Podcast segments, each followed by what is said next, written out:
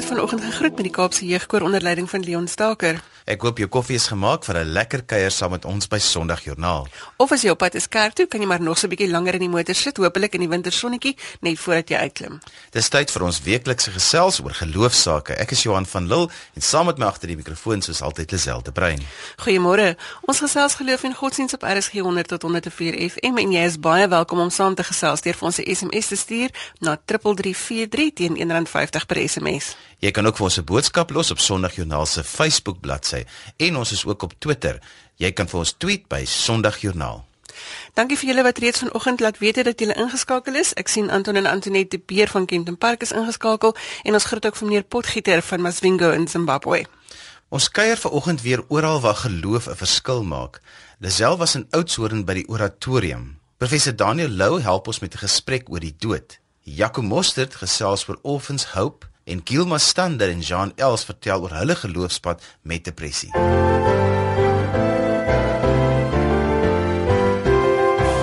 Professor Daniel Lou was vir lank by die Universiteit van Stellenbosch verantwoordelik vir pastorale sorg en berading en hy sluit vanoggend by ons aan. Goeiemôre Daniel. Hallo, goeiemôre.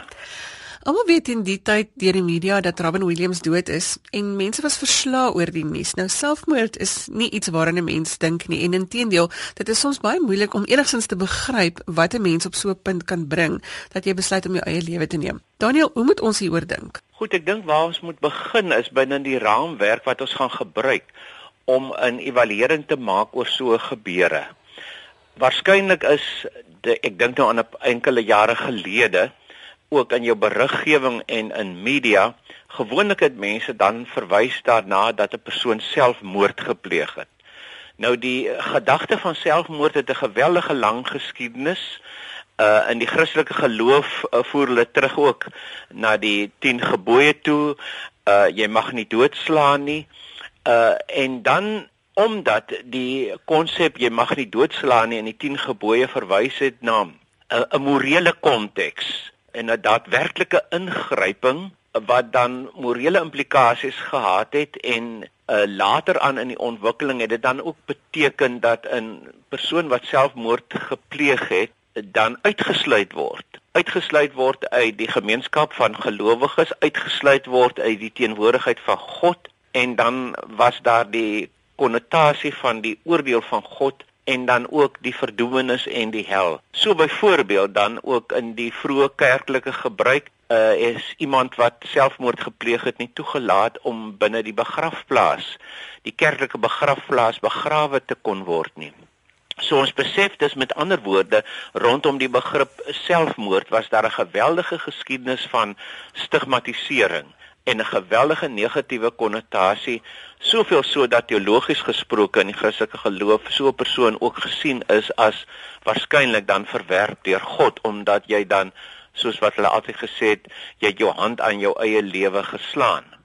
So ek dink uh, waar ons nou is, ons het al gevorder uh, dat die uh, besef is dat jy kan nie dink in terme van uh, die morele interpretasie en van wederregtelikheid wat dan ook kom ons sê juridiese gevolge gehad het beide na die teologiese kant toe beide na die sosiale kant van die lewe. Ek dink dit is 'n geweldige ontwikkeling. Die tweede wat opduik en ek sien dit deesdae in die media, ek het self ook al uh daarna verwys is dat ons liewer moet praat van selfdood. Uh en ek sien ook nou in die beriggewing gebruik die media nou al meer hierdie term selfdood. Nou ek dink dit is nog 'n verdere betere ontwikkeling alhoewel uh die term self dood dink ek nie slaag nie. Die rede waarom dit nie slaag nie is asof 'n mens jou lewe kan self en ek sit tussen aanhalingstekens dood maak. Nou as 'n mens kyk na hoe mense selfmoord pleeg, sou jy kon sê, goed, wel, uh die persoon het self die dood veroorsaak, maar dood is nie so eenvoudig nie. Dood is 'n baie meer komplekse verskynsel. Selfs in die mediese definisie van wanneer 'n mens sterf of wanneer jy dood is, ons begin in grys areas in te beweeg en ek dink nie dat die term selfdood help vir ons eintlik veel verder nie. Dit maak dit miskien 'n bietjie sagter. Dit kan dit miskien 'n bietjie na die kant van 'n beter, kom ons sê romantisering dit neem in elk geval die stigmatisering weg. Maar verstaan ek jou reg as jy sê mens mens besluit nie om jouself dood te maak nie. Kyk, uh, dood het het psigiese implikasies, dood is sosiale implikasies. Dood is 'n verhoudingsbegrip en baie keer sterf mense, kom ons sê dit is 'n aandeelstekens voordat hulle kom ons sê oorgaan tot die daad. Nou, hoe besluit 'n mens self? Dit lyk soos jy self besluit het. Alhoewel as 'n mens werklik waar betrokke is by hoe kompleks die lewe is, hoe kompleks lewensvrae is, hoe uitgeput 'n mens kan raak wanneer jy op die rand staan van jy het nie meer die moed om te lewe nie. Jy bereik dikwels 'n stadium waarin alle waarskynlike moontlikhede om te hoop of voort te gaan met die lewe vir jou uitgekanselleer is. So dis nie dat jy die besluit neem nie. Die besluit lê dikwels in die haglikheid van jou omstandighede of die besluit lê in die uiters moeilike omstandighede of konteks waarin 'n mens leef of eintlik en dit is maar die kern dit hang nou saam met ervarings van angs en van verwerping binne verhoudingsstelsels en die faktor wat eintlik ter sprake is wil ek uitwys en noem dit is eintlik verwerpingsangs as gevolg van verliese wat mense gelei het in die lewe, wat hulle identiteit raak, wat hulle gevoel van waarde raak, wat hulle gevoel van sin raak en dan besluit mense nie net sommer nie. Uh dit is 'n totale komplekse geheel waarin op die ou end en daarom wil ek die term noem selfterminering ter sprake kom. Ek gaan dit herhaal. Selfterminering in die plek van self selfdood of selfmoord.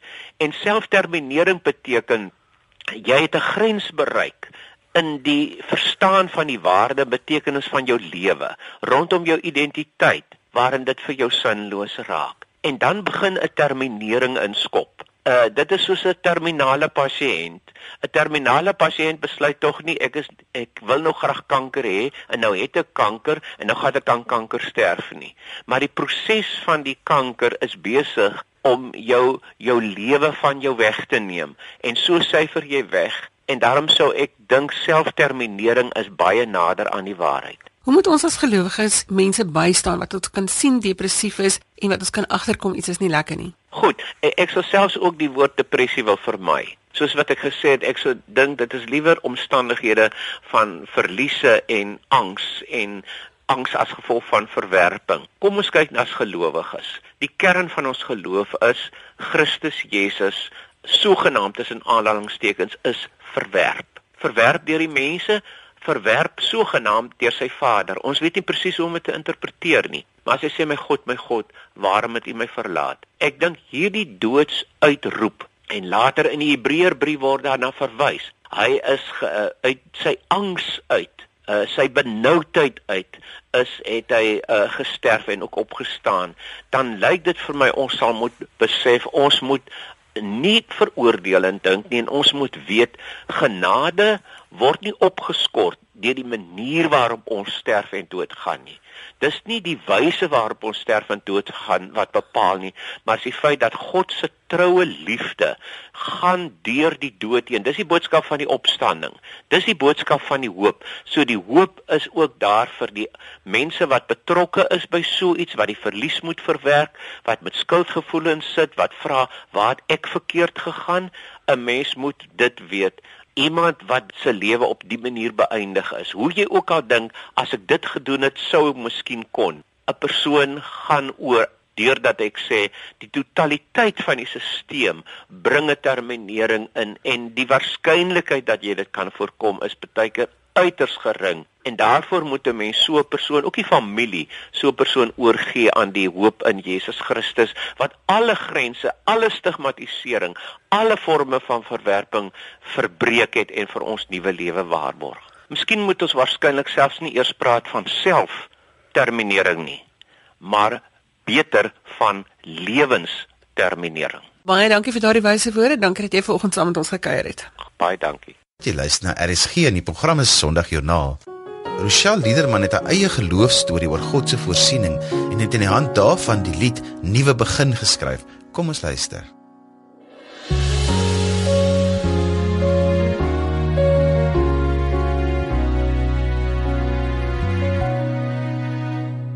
Die winters verby, die sneeu op die berge verdwyn.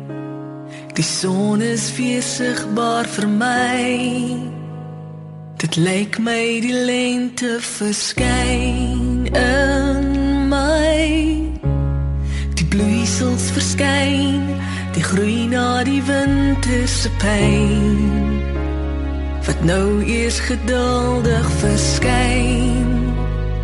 Die wind van verandering waai oor my.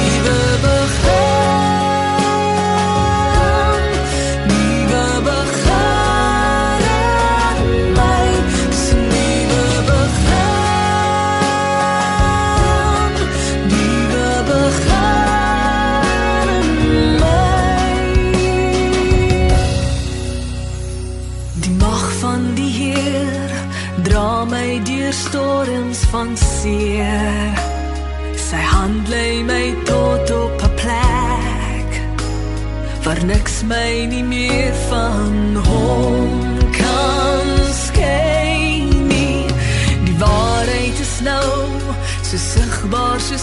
hemelse blou.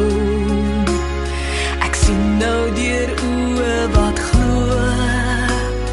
Die Gees laat my besef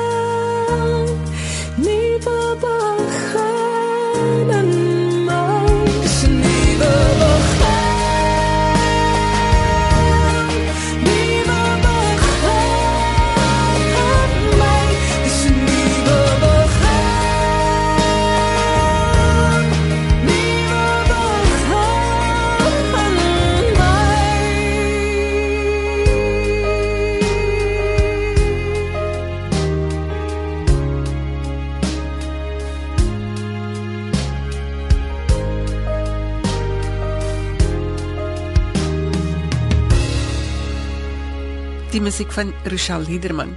Jean Els is 'n bekende joernalis wat op baie geleenthede haar pad met depressie met ander mense deel en sy kuier vanoggend hier by ons. Goeiemôre Jean. Goeiemôre Lisel, baie groot voorreg vir my om hier te wees.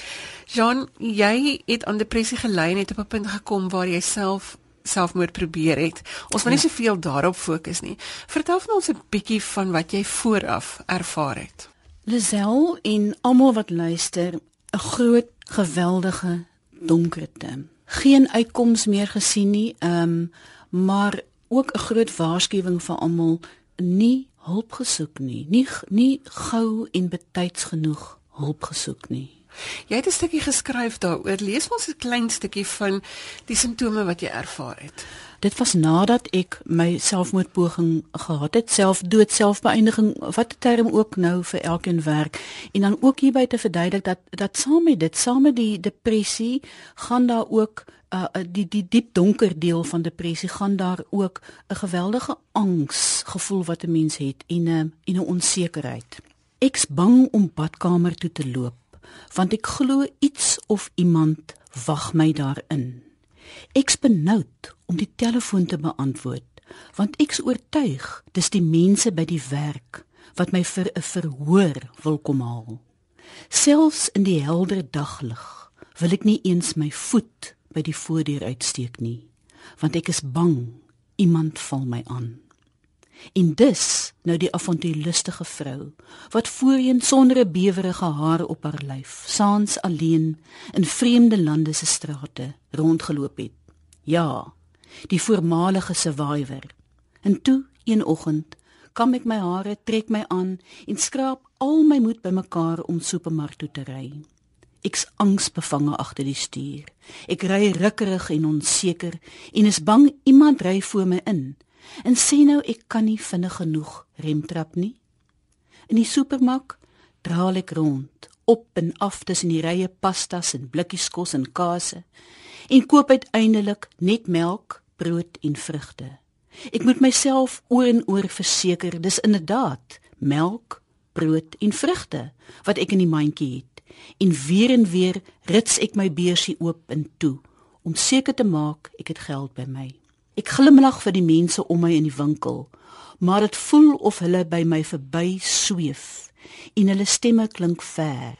Vir my leef hulle in 'n ander wêreld, in 'n deurskynende borrel met 'n aanloklike deursigtige deur wat steeds vir my toe bly. Dis nogal 'n besonderse beskrywing van wat in jou kop gebeur wanneer jy aan depressie ly.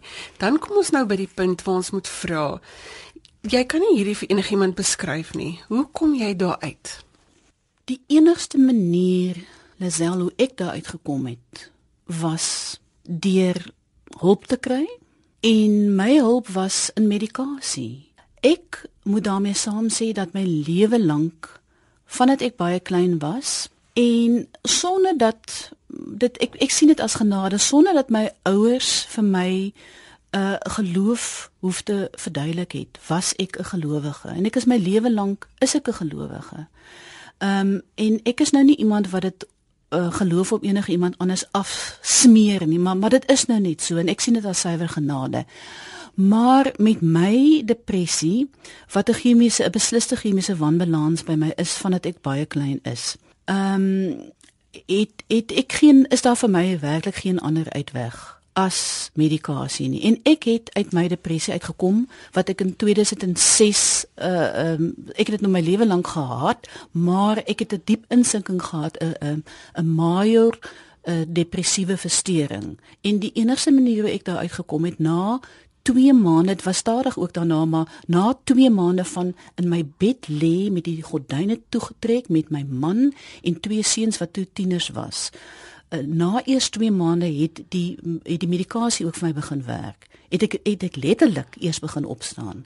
Uh, en dit was toe 'n stadige proses, maar medikasie en ek moet sê as 'n gelowige, my geloof in daai stadium het toe eers begin inskop ook weer. Jy was 'n diep gelowige voor die tyd. Jy is 'n gelowige na die tyd. Het jou geloof enigstens 'n rol gespeel? Tydens my depressie en diep val sal ek sê, het my geloof ek is gediagnoseer op 'n donderdag as ek reg onthou in September 2006. Die Sondag, 3-4 dae daarna, het ek myself dood poging gehad. Ek dit was saam met jou man en jou kinders in die huis en jy het rustig net die pille in die jogurt gesit. Ek het die pille in die jogurt gesit. Ek het nie een oomblik uh, noem dit so gevoel. Dis die verkeerde ding wat ek doen nie, want ek het nie meer regdenkend opgetree nie. Ek was so ver, so diep, so donker heen. En ek het nie een oomblik, want onthou ek het nie meer regdenkend opgetree nie. Dit is die nare siekte depressie. As jy werklik ver heen is, dan dink jy nie meer reg nie. En agterna is dit nou nie asof jy in hierdie euforie leef en asof jou geloof nou anders is nie. Geensins. By my is dit geensins anders nie. Ek is net ongelooflik dankbaar dat ek leef. Dit is nie dat dit noodwendig vir my sal ek sê makliker is nie, maar ek moet tog aan die ander kant sê, miskien weerspreek ek myself, ek wil dit tot 'n mate terugtrek en sê dit is makliker as gevolg van die medikasie. Dit is en ek wil dit vir mense sê, dit vir my is dit makliker want by my die medikasie ek ek ek neem antidepressant en gemoedstabiliseerder want ek daarna is daar vasgestel 'n jaar later dat ek is ook bipolêr en die medikasie by my vat die skerp kant van die emosies wat my so geweldig hartseer gemaak het op 'n sonskyndag let wel En dit is wat ek die grysheid dit ek beskryf dit as 'n grysheid en dit is waar die wat ek uh, sien as die chemiese wanbalans. Dit vat die skerpheid van die hartseer op 'n mooi sonskyndag by my by my weg. Dit maak dit gladder. Dit maak dit leefbaar vir my want ek wil sê in 8 jaar verder het ek het ek nog nooit weer daai insinking gehad nie. En as ons dit in 'n netedop saamvat, dan sê ons dit beteken nie gelowiges kan nie ook depressief wees nie. Geloof red jou nie van depressie nie. Nee, verseker nie. Ek het geglo toe ek die daad doen van selfdood dat God al die pad saam met my stap en my hand vashou omdat hy verstaan. En dit is so belangrik dat ons moet probeer begryp en verstaan. Jean baie dankie dat jy vanoggend saam met ons gekuier My het. groot voorreg. Sondagjoernaal fokus op die stories waar geloof 'n verskil maak en dis selfs by die oratorium in 'n township aan die buitewyke van Oudtshoorn gaan kuier om te hoor hoe geloof daar 'n verskil maak. Vader Leon, hoekom die oratorium in Oudtshoorn? Die oratorium in Oudtshoorn het uh, begin hier in 1992, 1993 toe 'n groepie mense wat destyds gemoeid was met Afrikaanse vertaalwerk om die Katolieke liturgie, uh, Katolieke lektuur in Afrikaans te vertaal, uh, geroepe gevoel het om 'n gemeenskap te begin dat dit nie net iets was waar ons in 'n kantoor dinge vertaal nie, want ons het dit deeltyds destyds gedoen, maar om saam te woon, saam te bid en saam 'n lewe in diens van die Here te lei. So dit is waar die oratorium begin het. Ons is uiteindelik in 1997 op hierdie presiese dag 15 Augustus is ons kerk wetlik opgerig wat beteken ons het ons amptelike goedkeuring van Rome gekry om 'n kloostergemeenskap te vorm. So dis 'n baie spesiale dag waarop ons hier by julle kuier. Wat doen julle alles by die oratorium? Die oratorium 'n uh, 'n Katolieke kloostergemeenskap, daar is verskillende soorte in die kerk. Ons lewe bestaan uit 'n uh, paar aspekte. So eerstens is dit ons lewe saam om hier saam te aanbid, um, saam te groei in ons verhouding met Jesus Christus en dit um, strek dan verder net as ons eie lewe. Ons het almal verskillende bedieninge binne in die plaaslike Katolieke kerk. Ons kyk na 3 kerke hierso in Oudtshoorn en Duiselsdorp omgewing en 4 buitestasies. So daar's 7 kerkgemeenskappe wat ons bedien. En dit is meer as net Sondagdienste. In die Katolieke kerk vier ons elke dag heilige mis. Ons het elke dag sekere gebedstye wat gevolg word. So die pastorale sy van ons werk is redelik uitgebrei. Verder, ons is hier in die township van Oudtshoorn waar ons die afgelope 8 jaar ehm um, stadig maar seker besig is om 'n nasorgsentrum vir kinders en jong mense op te bou. Ons is deeglik bewus van die probleme in ons gemeenskap hierso. Ehm um, alkoholisme, geweld, ehm um, bende, geweld, ehm um, disfunksionele families. Mense hoef maar net hier buite op die straat te kyk hoeveel jong mense en kinders laat nie skool toe gaan nie en betrokke raak met allerlei dinge wat hulle lewens ernstig kan benadeel. So ons probeer om daar 'n bydrae te maak deur vir hulle kansse te skep. Verduidelik vir my die verskil tussen die gereformeerde kerke en die Katolieke kerk. Die gereformeerde kerke soos ons dit in Suid-Afrika ken, het in die 16de eeu ontstaan. Hulle is maar die die kinders in 'n sekere sin van Martin Luther en van Johannes Calvin, um, die sogenaamde uh, protestantse hervorming wat plaasgevind het.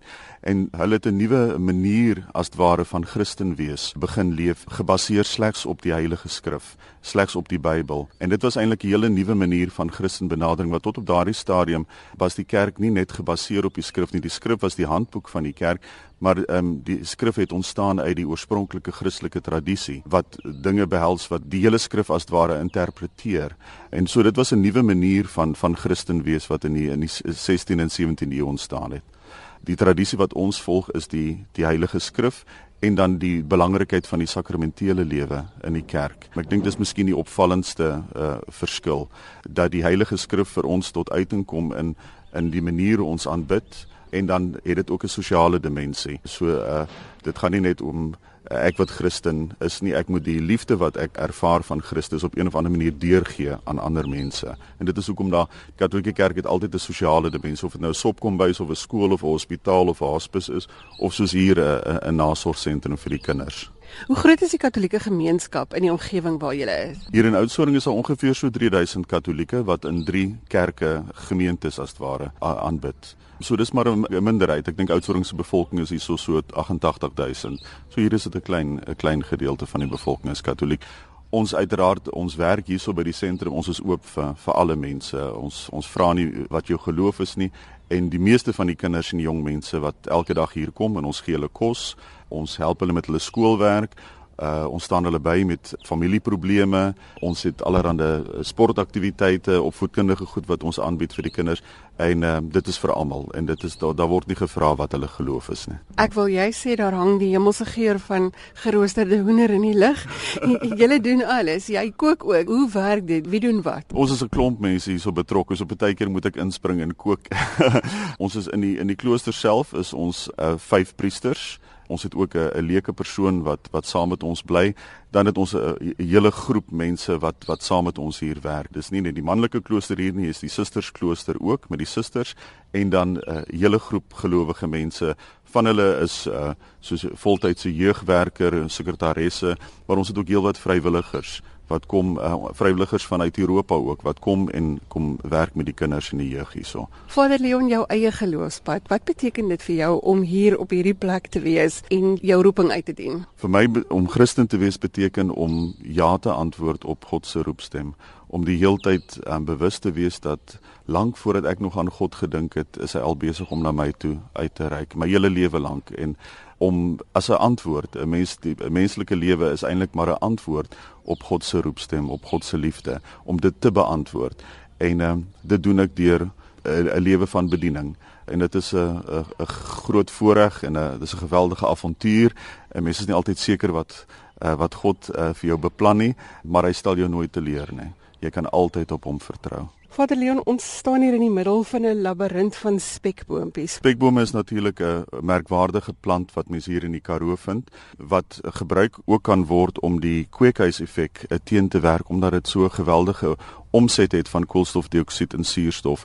So dit is 'n plant wat letterlik die lug vir ons gesond hou. Spekbome groei baie goed hierso en ons het begin om stiggies hier in te sit en 'n labirint uit te lê. Labirint is ook 'n ou katolieke meditasie tegniek wat baie in die kloosters gebruik is.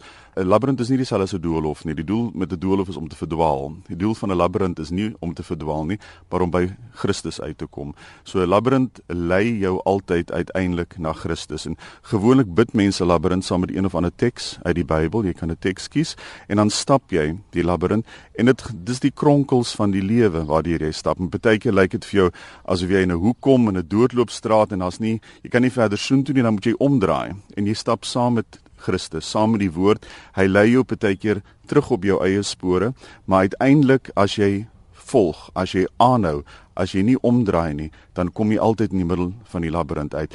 In die middel van ons labirint het ons 'n baie spesiale olyfboom. Dit is gegroei van 'n stiggie uit die tuin van Getsemane. En uh as jy die middelpunt bereik dan ehm um, die die simboliek daarvan is natuurlik dat as jy met Christus stap, kom jy altyd tuis. Jy sal altyd tuis kom as jy saam met Christus loop. Ons het in die township hierso hierdie stuk grond wat jy hierso sien, ehm um, raak gesien. Dit was die middelpunt van Oudtshoorn se bende aktiwiteite. Hier het moord hier plaasgevind, hier het verkrachtings hier plaasgevind. Dit was 'n 'n vuil stuk grond met karwrakke, bande, gebreekte bottels. Mense was bang om hier te loop. Ons het dit in die munisipaliteit genader en hulle toe die stuk grond uh teen 'n nominale bedrag van R20 vir ons gegee. Hulle het heel duidelik ook nie geweet wat om met die stuk grond uh te doen nie. Langs hierdie stuk grond was daar 'n ou fabriek gewees. En uh, ons het die fabriek gesien en gesien die fabriek staan leeg en ons was desperaat om hier te kom woon en ons dog toe laat ons gaan uitvind oor die fabriek of dit dalk te koop is. En die laaste 8 jaar ontwikkel ons dit al. Wat jy om jou sien hierso, ehm um, die amfitheater, die uh sorg uh, sentrum huis daarso, die susters se klooster, ehm um, die tuine, alles het in hierdie afgelope 8 jaar gebeur en ek kan nie mooi vir jou sê uh, hoe ons die geld gekry het nie. Ons gaan gereeld Europa toe uh, om fondswerwing te doen, maar ons het nog nooit groot bedrae gekry nie. Ons het baie vriende gemaak intussen. Ons het 'n hele netwerk familie hier in Suid-Afrika en in Europa, mense wat kom kuier, mense wat kom werk hierso. Ons het byvoorbeeld 'n Belgiese egpaar wat elke jaar hulle vakansie 'n maand in Desember hier by ons kom spandeer om met die kinders te werk. So vir ons is dit hoe God werk uh, in die geweldige oorvloed, né? Um hy laat nie net 'n wonderwerk in een persoon se lewe plaasvind nie. Dit vloei oor en al wat ons moet doen is maar net oop wees. Laat laat God deur ons aan die, aan die werk kan kom.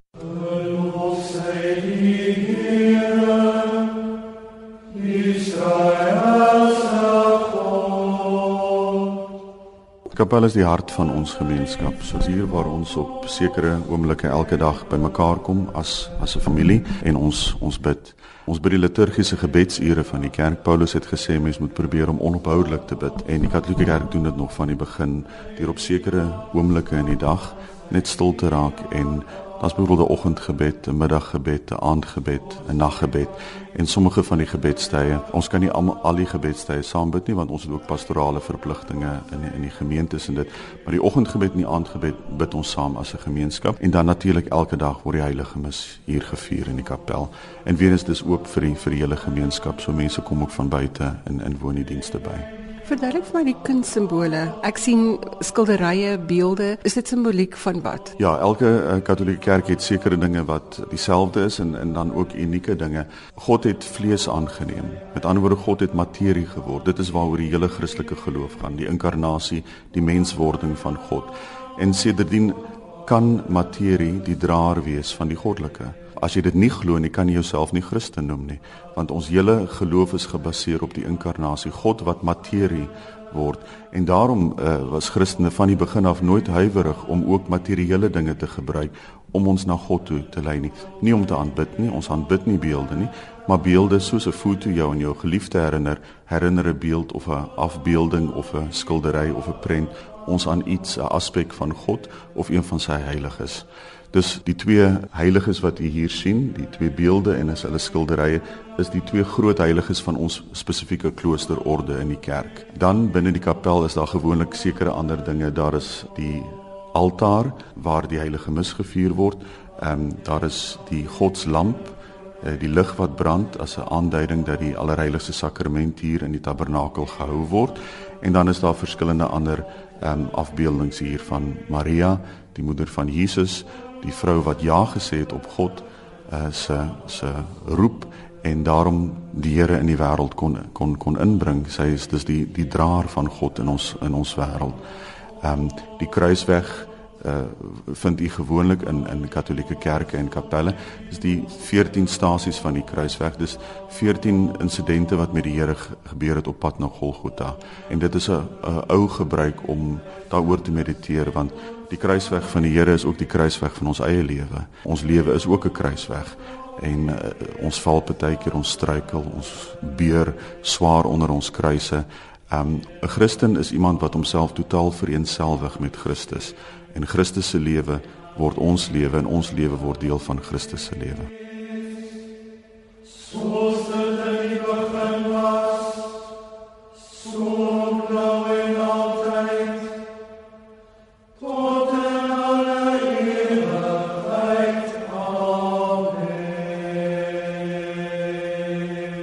Vader Leon van die Oratorium in Oudtshoorn het met Liselde Brein gesels.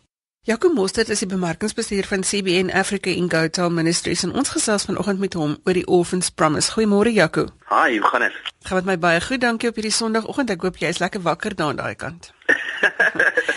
Jaco, ons het verlede week berig dat Steve Green se konserte afgestel is. Ongelukkig moes ons die besluit gemaak het. Dit was letterlik 'n week voordat al hierdie konserte sou begin het. Toe kry ons die skokkende nuus dat hy in 'n baie ernstige toestand in 'n hospitaal was, as gevolg van sy ongeluk wat hy met sy fiets gehad het. So vertel ons, wat doen julle by Orphans Promise? Orphans Promise is 'n welsynsorganisasie wat wêreldwyd doenig is met die sogenaamde orphan and vulnerable children. Dit is nou kinders wat weesgelaat word. Wat is die projekte? Met ander woorde, bou julle vir hulle plekke om te bly? Is dit meer net vir hulle versorging, vir klere en kos of hoe werk die Orphans Promise? Wat die projekte doen basies is dat hulle na kinders wat wees is in die gemeenskappe omsien. So om jou 'n idee te gee, kom ek vertel vir jou 'n storie van blessing. So 3 maande terug was ons op 'n uitreik in Mpumalanga en dis juis waar een van hierdie Orphans Promise projekte is. 'n Blessing is 'n klein babatjie wat in 'n afgeleë veld gelos is deur sy ma wat 'n na haar swangerskap om in 'n plastiese sak gesit het en sy die kind net al gelos. Na 'n proses is die kind na wat ons van noem mamma Anna gebring en Anna het basies na die kind begin omsien. En dit is juis die hele idee van Orphans Promise. Kinders word na omgesien in die gemeenskappe, hulle word na care centers toe gebring. Van daar af word die kinders gevoed, so dis die eerste ding, dis voeding. Dis opvoeding, enigiets van skoolprojekte ensovoorts en ook dan om die kinders onder hierdie mense se vlerk in te neem. Dis behuising, dis klere, dis kos, dis voeding. Dis 'n holistiese kyk na die behoeftes van kinders. Ja, kan nou waar kan ons meer inligting kry oor Orphans Promise? Is daar 'n webwerf? Ja, natuurlik ja. Dit is orphanspromise.org. So dis orphanspromise.org en indien jy meer inligting wil hê oor hoe weeskinders ondersteun word reg oor Suid-Afrika en reg oor die wêreld. Jakob baie dankie dat jy vanoggend saam met ons gekuier het. Dankie man.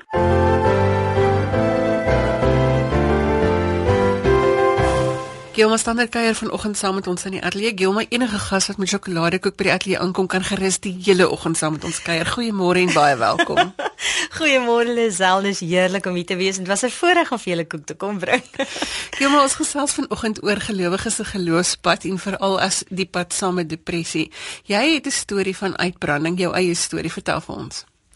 Ja, ek het um, ek het uh, vir 'n uh, groot maatskappy gewerk, 'n Christelike maatskappy en ek het um, gaan uh, een middag net voor die rekenaar gesit besig om 'n programme te laai en reg te kry vir die volgende week se uitsending en skielik kon ek niks onthou nie. En as ek sê niks onthou nie, ja, is dit niks.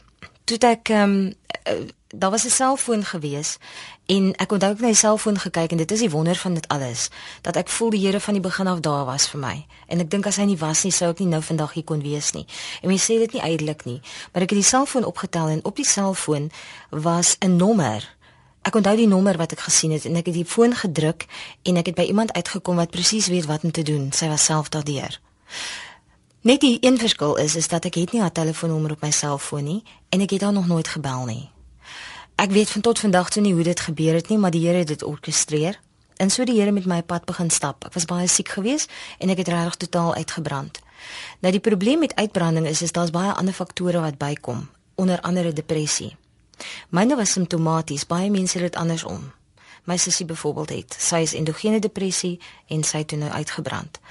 Ehm um, maar dit was 'n lang pad van herstel geweest, ja. Maar hoe sien 'n mens die tekens van depressie raak? Hoe weet jy dat jy depressief is? Ek dink nie jy besef dit as jy nie as jy nie uh, vertroud is daarmee nie, want mense dink dit gebeur met ander mense. Nou met die uitbranding het die depressie definitief vooruit of vooraf die simptome getoon.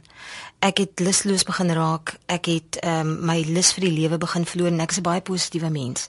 Maar dit was so stelselmatig dat ek dink my liggaam begin aftakel het en die serotonien verminder het as gevolg van eksterne faktore van stres waarin ek 'n huwelik gehad het wat opgebreek het en 'n derde party in my verhouding. En omdat daar nie nasorg was of voorsorg was nie of versorging was tydens die proses nie, het ek myself laat gaan. Ek kon nie slaap nie, dis 'n ander ding wat gebeur het. Ek kon glad nie slaap nie en ek het van daar af net meer en meer tyd by die werk spandeer. Ja, want ons is mos lekker sterk vroue. Hierdie goed gebeur nie met Nee, ons nie. Ons kan mos nie. alles hanteer. nee, dit gebeur nie met ons nie. En die groot ding is is ek het net baie meer gedrewe geraak.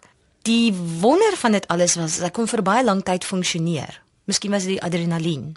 En toe op 'n stadium het ek um, begin sleg voel. Ek is dokter toe.